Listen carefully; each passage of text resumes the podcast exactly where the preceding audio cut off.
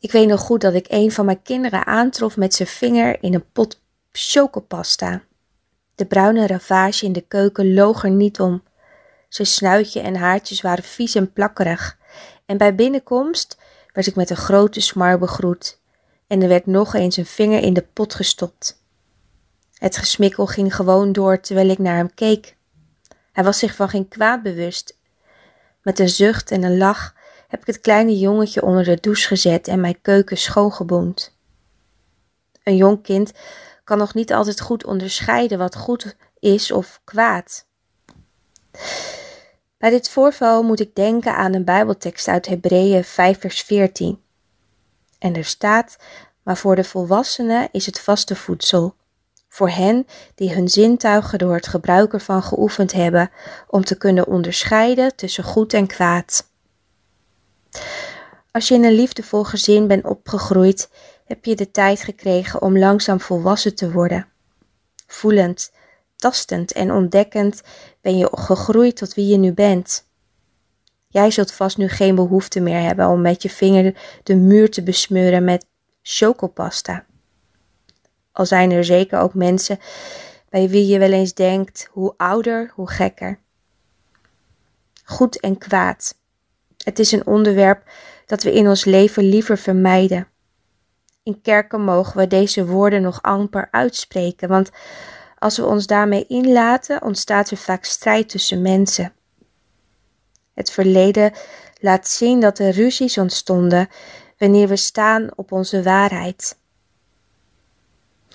Met als gevolg dat er allerlei problemen en scheuringen in kerken en gezinnen zijn ontstaan. En toch kunnen we er niet omheen dat er in Genesis een boom heeft gestaan met de naam de boom van kennis van goed en kwaad. De boom van kennis van goed en kwaad is een boom die samen met de boom des levens in het paradijs stond. Van alle bomen in de tuin mag je eten, heeft God gezegd. Maar als je van de boom van kennis van goed en kwaad eet, dan zul je sterven. Het lijkt me daarom een extra reden dat we serieus moeten stilstaan bij deze boom, die ons ook vandaag zoveel leert. Ik geloof dat onze levens en onze gemeenschappen gezonder worden wanneer we de begrippen goed en kwaad opnieuw gaan inzetten en gebruiken, mitsen we goed gebruiken. In zowel het Oude als in het Nieuwe Testament komen het goede en het kwade voor. In allerlei geboden en spreuken kunnen we lezen over het goede en het kwade. De woorden goed en kwaad komen samen meer dan duizend keer voor in de Bijbel. God neemt deze woorden serieus. Broers, zussen, sommige mensen ergeren zich aan het christendom, omdat ze denken dat bij een vrij leven geen begrippen als goed en kwaad passen. Maar denk hier eens over na. Het kwaad heeft een totaal andere uitwerking dan het goede. Als men kiest voor het goede, dan ontstaat er leven.